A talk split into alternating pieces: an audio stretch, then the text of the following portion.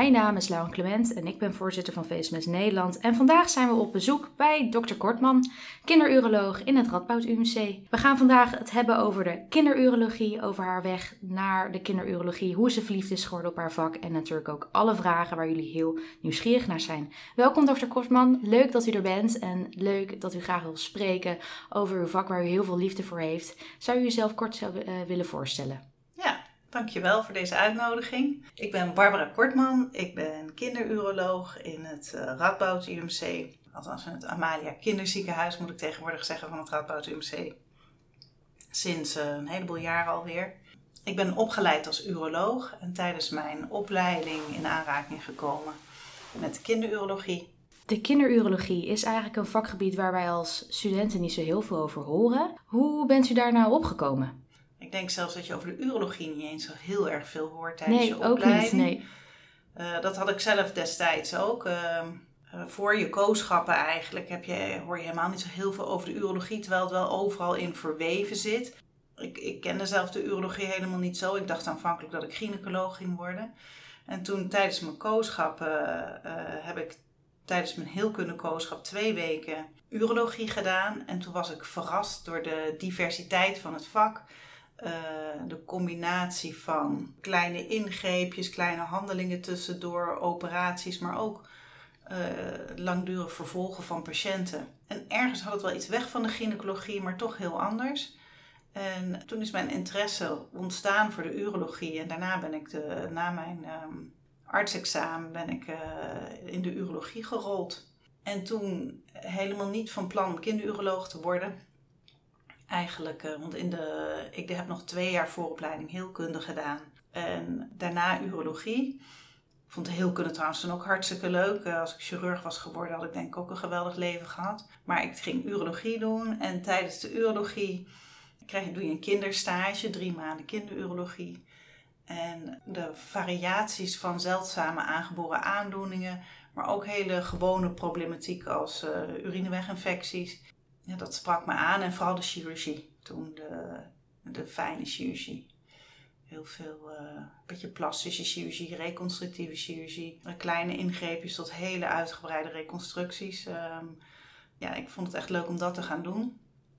En toen kon ik na mijn opleiding, ja, dan ga je weer verder je opleiden. Dan uh, ging ik de kinderurologie in en dat is nog een fellowship van twee jaar met daarna een Europees examen. En dan ben je Europees erkend kinderuroloog.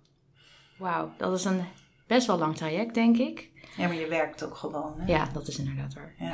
En um, is de kinderurologie in Nederland een groot vakgebied? Of kenden alle kinderurologen elkaar en um, ja, doen we eigenlijk in Nederland een heel specifiek stukje zorg? Hoe zit dat precies? Ja, uh, nee, het is, een, het is een, een klein vakgebied wel een heel breed vakgebied, zeg ik altijd. Mensen denken dat het heel smal misschien uh, maar ik vind dat helemaal niet. De meeste kinderurologen in Nederland werken in een academisch ziekenhuis. Er zijn een paar ook Europees erkende kinderurologen die niet in een academisch ziekenhuis werken, maar dat is zeldzaam. En er gebeurt wel wat kinderurologie in andere ziekenhuizen, maar dan gaat het om uh, uh, bijvoorbeeld niet ingedaalde testes of uh, incontinentie of urineweginfecties, dat soort problemen. En er zijn een paar urologen die ook wat meer kinderurologie doen. Uh, maar de rest van de kinderurologen werken in een academisch ziekenhuis. Oké. Okay. En uh, Nijmegen is natuurlijk ook een academisch ziekenhuis. Is er iets in het Radboud waar de kinderurologie zich in specialiseert? Bijvoorbeeld transgenderzorg? Ja, eigenlijk we doen de kinderurologie in de volle breedte. Um, maar je ziet de laatste jaren wel dat er uh, dat niet alles meer in alle academische ziekenhuizen gebeurt, omdat er een aantal zeldzame uh, aangeboren aandoeningen zijn die, die zo weinig voorkomen dat je, uh, wil je er voldoende expertise in houden, dat je dat beter kunt concentreren. En, um, en dan gaat het bijvoorbeeld om blaasextrofie, dat is uh, als je geboren wordt met een open blaas. Of DSD, dat staat voor Disorders of Differences in Sex Development. Maar dat is eigenlijk kinderen die geboren worden met een onduidelijk geslacht. Daarvoor hebben wij hier een multidisciplinair expertisecentrum. En, uh, en je had het net over de genderproblematiek. We hebben nu dat in één centrum gecombineerd. Het zijn wel echt hele verschillende dingen hoor. Geboren worden met een onduidelijk geslacht of, of uh, de genderproblematiek. En daar hebben wij nu een expertisecentrum geslacht en gender voor. Dat, is, uh, dat heb je ook niet in elk academisch ziekenhuis. En verder ja, heb je ook gewoon een heleboel gewoon, zoals net al zei, niet ingedaald balletje. Dat komt ontzettend veel voor, maar dat doen we ook. Dat doen we zelfs vrij veel, uh, omdat dat mhm. vrij veel voorkomt. Maar ook uh, ja, aangeboren aandoening van de urineweg. Wat we hier ook uh, hebben, dus een um, expertisecentrum um, voor kinderniertransplantaties. Er zijn kinderen bijvoorbeeld die geboren worden met uretra-kleppen. Dat zijn kleppen in de plasbuis die ervoor kunnen zorgen dat er uh, dat kinderen altijd, voordat ze geboren worden, al slecht kunnen plassen met uh, nierinsufficiëntie tot gevolg. En er gebeuren hier bij hele jonge kinderen al niertransplantaties. En ehm, daar zijn wij als kinderuroloog ook bij betrokken. Mm -hmm. En, um, en dat, dat zijn hele intensieve trajecten van tevoren en na die niertransplantatie, ook met uh, de bijbehorende problemen. Mm-hmm. En uh, kinderen die geboren worden met uh, um, anorectale malformaties bijvoorbeeld, die komen bij de kinderchirurg, maar die hebben heel vaak ook urologische problemen waar we bij betrokken zijn. Dus ja, als je dit, deze diversiteit al hoort, um, dan kun je je voorstellen dat ons vak ook heel divers is met hele mm-hmm. diverse problemen. Ik heb bijvoorbeeld collega's urologen die uh, uh, urologische oncologie doen. En die bijna alleen maar prostaatkanker behandelen. Mm En dan krijg je uiteindelijk een veel smaller vak dan wat, wat wij doen. Ik, ik, ik heb een spreekuur waarbij ik ouders met pasgeborenen zie met, uh, voor een kindje dat geboren is met een hypospadie. En tieners die komen, die, omdat ze bijvoorbeeld een vorm van spina bifida hebben, waardoor ze niet zelf kunnen plassen, die katheteriseren, die je begeleidt tot na de volwassenheid. En afgelopen week heb ik nog een jonge vrouw van 20 gezien samen met een gynaecoloog, die ik al langer ken, maar die, uh, die nog niet naar de volwassen urologie is gegaan. Uh, omdat je inmiddels een band hebt opgebouwd en die een probleem heeft met uh, plassen en met de ingang, de introitus van de vagina vanwege uh, bestraling op hele jonge leeftijd. En zo divers kan het zijn, ook qua leeftijd. Ja, ja. ja. Uh, u zegt ook hè, van, van baby's, pasgeborenen tot aan nou, twintigers zelfs, omdat die band die jullie opbouwen heel belangrijk is. Is dat patiëntenperspectief ook essentieel in de kinderurologie, anders dan in de normale urologie? Hoe kijkt u daar tegenaan? Ja, nou, dat is wel uh, grappig. Toen ik uroloog werd, werd er nog heel weinig uh, gepubliceerd of onderzoek gedaan naar de transitie van kinder naar volwassen zorg. We hebben daar uh, uh, hier ook aan een landelijk project transitie mee gedaan. En hier ook wat onderzoek gedaan naar de wensen van jongeren in die fase van transitie naar volwassen zorg. En uh, wij geloven heel erg dat je dat niet op een vaste leeftijd moet zetten, dat je overgaat naar volwassen zorg, maar dat je gewoon samen moet kijken naar wanneer iemand daar klaar voor is. En ik vind 18 is, is wel een, een leeftijd die we in de wet en zo allemaal gebruiken als van, nou ja, dan moet je maar volwassen zijn. Maar er zijn jongeren van 15, 16 die helemaal niet meer per se een academisch ziekenhuis nodig hebben, die best naar een volwassen uroloog in een eigen regio kunnen. En er zijn jongeren die ja, in, rond de leeftijd van 18 nog een hele kwetsbare fase zitten, nog uh, in, met een opleiding bezig zijn, of die, maar die nog heel erg die band met hun dokter nodig hebben, uh, of nog niet in stabiel vaarwater zitten, waarvan ik het, dan, ja, dan vind ik het geen natuurlijke uh, fase in het leven om over te gaan naar een andere dokter. Mm -hmm.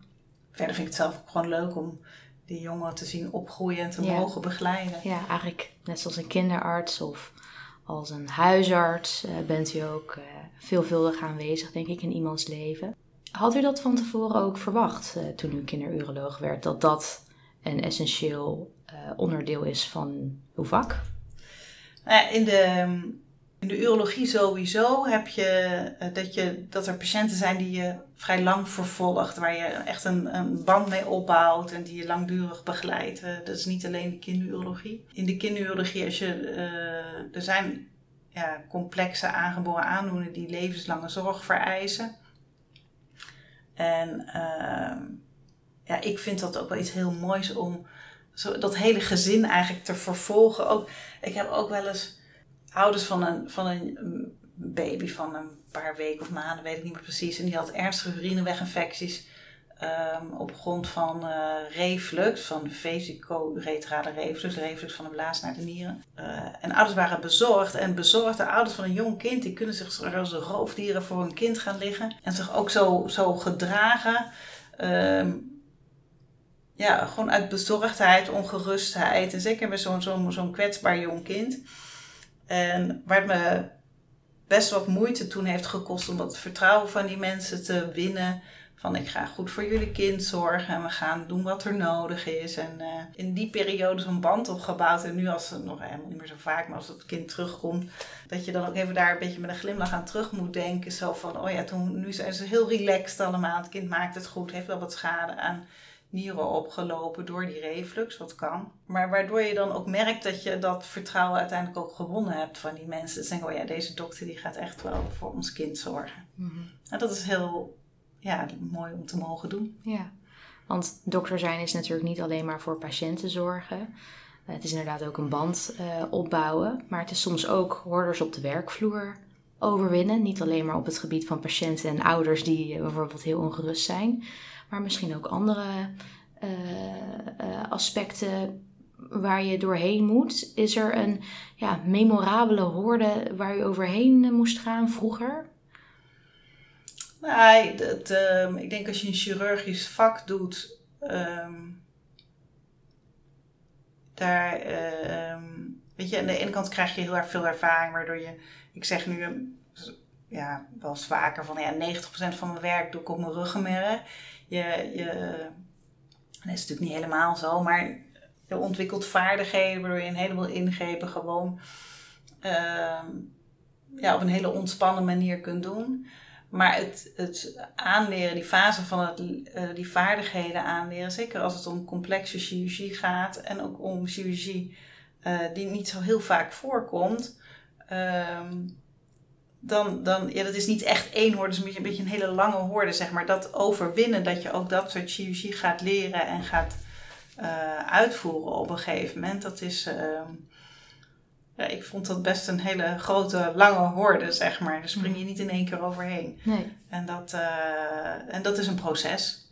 En dan is het heel fijn, ik vind het heel fijn om daarin in een team te werken. Ik zou niet graag solistisch werken, want ik vind het heel fijn om te Ehm, om collega's te hebben om even te vragen hoe zou jij dat doen. Uh, om iemand erbij te kunnen vragen als je iets lastig vindt. Uh, als iets toch anders, dan anders is of anders dan je had verwacht tevoren. Om eventuele complicaties mee te kunnen bespreken. Want als je chirurgie doet, dan ja, nee, elke dokter heeft te maken met complicaties. Maar um, het blijft iets heel lastigs als je opereert dat je weet dat je uh, dat er complicaties ontstaan door het feit dat je geopereerd hebt. Mm -hmm. Dus door jouw toedoen. En uh, uh, dan is het fijn om, om, om een groep te zitten van collega's waarmee je dit kunt bespreken. Waarmee je, waar je ook dan daar een steun van ondervindt en ook uh, herkenning. Ja. En, ja. Ja. Zodat je niet na de eerste, de beste complicaties het beltje erbij neerlegt. Nee, lijkt me een, iets ja, heel lastigs om te overwinnen. Ik denk dat ik nu als beginnende dokter daar ook een beetje tegenaan hik van hoe ga ik nou om met complicaties, dat je jezelf daarin eigenlijk echt uh, leert kennen en uh, leert ontdekken. Uh, maar goed, ik sta helemaal aan het begin van, het proces natuurlijk ook met het oog op de opleiding. U bent natuurlijk ook opleider van de urologie. Wat vindt u nou het leukste aan opleiden? Um, het leukste aan opleiden vind ik uh, het feit dat je ja, um, dokters in opleiding of urologen in opleiding mag begeleiden, mag coachen in het groeien, in het leren. eh, ik vind het heel leuk om te zien als je daar een bijdrage aan kunt leveren. Ook in het, ehm, in het leren naar zichzelf kijken waar ze goed in zijn. En, en waar ze nog wel een, uh, waar, ze wel wat in zouden kunnen verbeteren. Ehm, ik vind het heel erg leuk om ze te enthousiasmeren. Om te laten zien wat, dat ik het leuk vind. En ook dat het dan niet allemaal vanzelf gaat, maar dat het echt de moeite waard is. Ik vind al het, uh, alle ja, papieren, weet je, het is allemaal geen papier, maar het is allemaal computer, zeg maar. Maar al het uh, gedoe dat er rondomheen komt, wat minder leuk. Ik vind vooral het, het, uh, het persoonlijk begeleiden van de AIOS het leukst. Ja, dat, um, wat, wat is nou iets wat u dan heeft meegenomen in uw eigen ontwikkeling tot, in uw carrière als opleider? Um, dat het voor mezelf ook heel leerzaam is. Het, uh, wat het leuke daarin is, hè, nu inmiddels, ik ben al best een tijd kinderuroloog, dus daarin heb ik al best wat ervaring, maar het, het, het, het opleiderschap, dat doe ik pas sinds kort. En um, wat daarin ook, daarin zelf feedback vragen. Ik ben helemaal zelf in mijn opleiding helemaal niet opgegroeid met feedback vragen en al die evaluatiegesprekjes uh, zoals dat nu gaat. Uh, maar de huidige generatie is dat wel. Hè? Die moeten eindeloos op zichzelf reflecteren. Ja, jullie ook. Zeker. maar dat hebben wij niet zo geleerd. Maar dat leer ik dan nu. Ook in het opleiden, in het begeleiden. Um, dat ik vraag van, goh, hoe kan ik, uh, wat kan ik de volgende keer anders doen? Uh, zodat ik uh, jou beter begeleid. En dan krijg ik feedback. En... Um, en dat is heel leuk en dan moet je bewust naar vragen, want anders in een hiërarchische verhouding krijg je dat niet zomaar. Nee. Je moet ook op die manier vragen dat, uh, dat, het, dat je ook nog eens de grootste kans hebt dat het gezegd wordt. Want ik kan het wel vragen, maar als je het vraagt op een manier, ja, als je zegt van uh, zo, wat heb ik niet goed gedaan, dan durven een heleboel mensen niet te zeggen wat je niet goed gedaan hebt. Als je nee. vraagt van ja, wat zal ik nou de volgende keer anders doen, dan geeft dat iets meer ruimte op dat je ook nog die tip krijgt. Ja, ja, ja. Dus dat vind ik heel leuk. Ja. ja. Dat is natuurlijk niet alleen een ontwikkeling binnen de urologie. Ik denk dat het een algemene ontwikkeling is uh, binnen de geneeskunde in het algemeen. De geneeskunde is natuurlijk ook enorm aan het ontwikkelen. Uh, ik denk ten opzichte van dat u in opleiding kwam tot do dokters van de toekomst, dat daar al heel veel in veranderd is. Wat vindt u nou goede veranderingen van de afgelopen 20, 30 jaar? Dat er aandacht is voor uh, communicatie. Wat, wat patiënten heel erg belangrijk vinden, is de, is de communicatie, is de, het gevoel hebben dat ze begrepen worden, dat er naar hen geluisterd wordt. Ja, deze in mijn opleiding werd er niet zo heel veel aandacht aan besteed. Nee. En uh, het samenwerken, uh, daar, daar werd ook niet zoveel aandacht aan besteed. dingen gezamenlijk doen, zul je als je werkt altijd moeten doen. Maar daar was eerst in onze opleiding helemaal niet veel aandacht voor. Dus het is goed dat dat geleerd wordt. Dat je moet, moet samenwerken. Dat je. Um, en, ook, en ook dat reflecteren op jezelf. Ik, uh, vroeger kreeg je gewoon te horen goed of fout. oh, wat er fout was. En niet ja. per se een compliment. Het was uh, een zeldzaamheid. Uh, ja. Ik vond dat op zich ook prima hoor. Daar, het is, soms wordt er nu ook wel heel erg veel overal op gereflecteerd. Maar het feit dat het gebeurt en dat je, dat je daardoor ook ja, meer bezig bent met waar ben ik goed in en waar, zou ik, waar liggen mijn talenten en waar liggen mijn talenten niet. Dat helpt misschien ook beter in beroepskeuze, wat meer bij je past. Um, um, maar ook ja, dat, je, dat er iets meer aandacht is voor de communicatie met de patiënt. Dat, dat komt de patiënt ten goede, denk ja, ik. Ja, ja. ja. Nou, mooie woorden, denk ik. Um, we hebben het niet alleen gehad over opleiden, maar ook over waarom u kinderurologie nou zo leuk vindt. Wat er überhaupt heel leuk aan is. En in dat traject heeft u heel veel keuzes moeten maken. Uh, misschien ook wel een spannende vraag, maar ik denk dat het ook wel een vraag is waar veel studenten misschien af en toe een beetje mee worstelen. Zijn er nou dingen die u niet heeft gedaan in uw medische carrière waar u spijt van heeft? Oh ja, zo leef ik helemaal niet. Is ook een goed antwoord. Hoor. Ja, ja, nee, want ik, eh, weet je, op de middelbare school dan laat je eerst wat vakken vallen. Nou had ik niet zo heel veel vakken laten vallen. Ik heb wel een breed pakket waar ik alles mee kon. Maar ik weet wel dat je eenmaal je studiekeuze begint, had al. Um, ik, ik vond ingenieur leek me ook wel geweldig. Iets bouwen of zo. Anders was ik bouwkunde in Delft gaan doen of zo. Maar ehm, en, en, en nu denk ik wel eens, ik heb een binnenvak en geen buitenvak. En als het dan lekker weer is, dan denk ik, ik had toch boerin moeten worden. Dat was namelijk mijn, ongeveer mijn eerste ambitie die ik me kan herinneren. En nu probeer ik dat dan maar af en toe te doen door een rondje om het ziekenhuis te lopen. Als ik met iemand een gesprek heb. Ja. Maar ehm, ik heb echt nul spijt van de urologie. En nul spijt van de kinderurologie. En uh, natuurlijk zijn er andere vakken waarin ik misschien ook wel heel gelukkig was geworden. En ik denk dat dat voor iedereen geldt. En ik vind gewoon ook best wel veel leuk. Mhm. Dus dan hoef je geen spijt, want je kunt nou eenmaal niet alles tegelijk doen. Nee, nee. Zo, zo, um, zo leef ik niet. Nee. Dat uh, is natuurlijk ook heel lastig als je nog niet zo goed weet uh, waar je naartoe wilt. Ik denk dat daar bijvoorbeeld uh, VCMS ook heel erg bij zou kunnen helpen om een klein, klein, inkijkje te geven in de verschillende vakgebieden die niet zoveel voorkomen in het, in het curriculum. Um, wat is nou, om ook een beetje af te gaan sluiten, een, een, iets wat u zou mee willen geven aan de dokters van nu? Van de studenten die nu bezig zijn en over. In beroepskeuze. Ja, in beroepskeuze, maar in het algemeen, in het leven. Ja, we zijn heel filosofisch bezig. Wat zou je willen ehm, meegeven? Ik denk in de. Tijdens je kooschappen bijvoorbeeld, en dan kom je op heel veel verschillende afdelingen. En heel vaak voel je wel, hoor ik hier thuis of niet. Stel je voor dat degene met wie je uh, meeloopt, dat jij op die stoel zit van diegene. En voel dan even, oh ja, hier zou ik ook kunnen zitten. En niet die keuze maken wat je later wil worden. Of van ja, dat zou ik moeten doen. Of dat zou ik moeten kunnen. Of dat, dat, dat hoort. Of dat is stoer. Of dat is, ik, ik weet niet, allerlei oneigenlijke uh, drijfveren.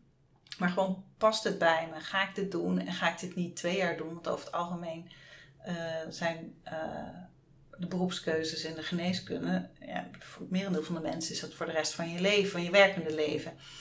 En uh, dus denk, oh ja, denk je, ik pas tussen deze mensen.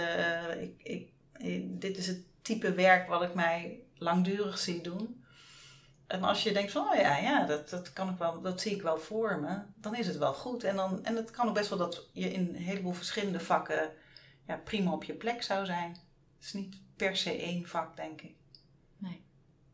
Wijze woorden, denk ik.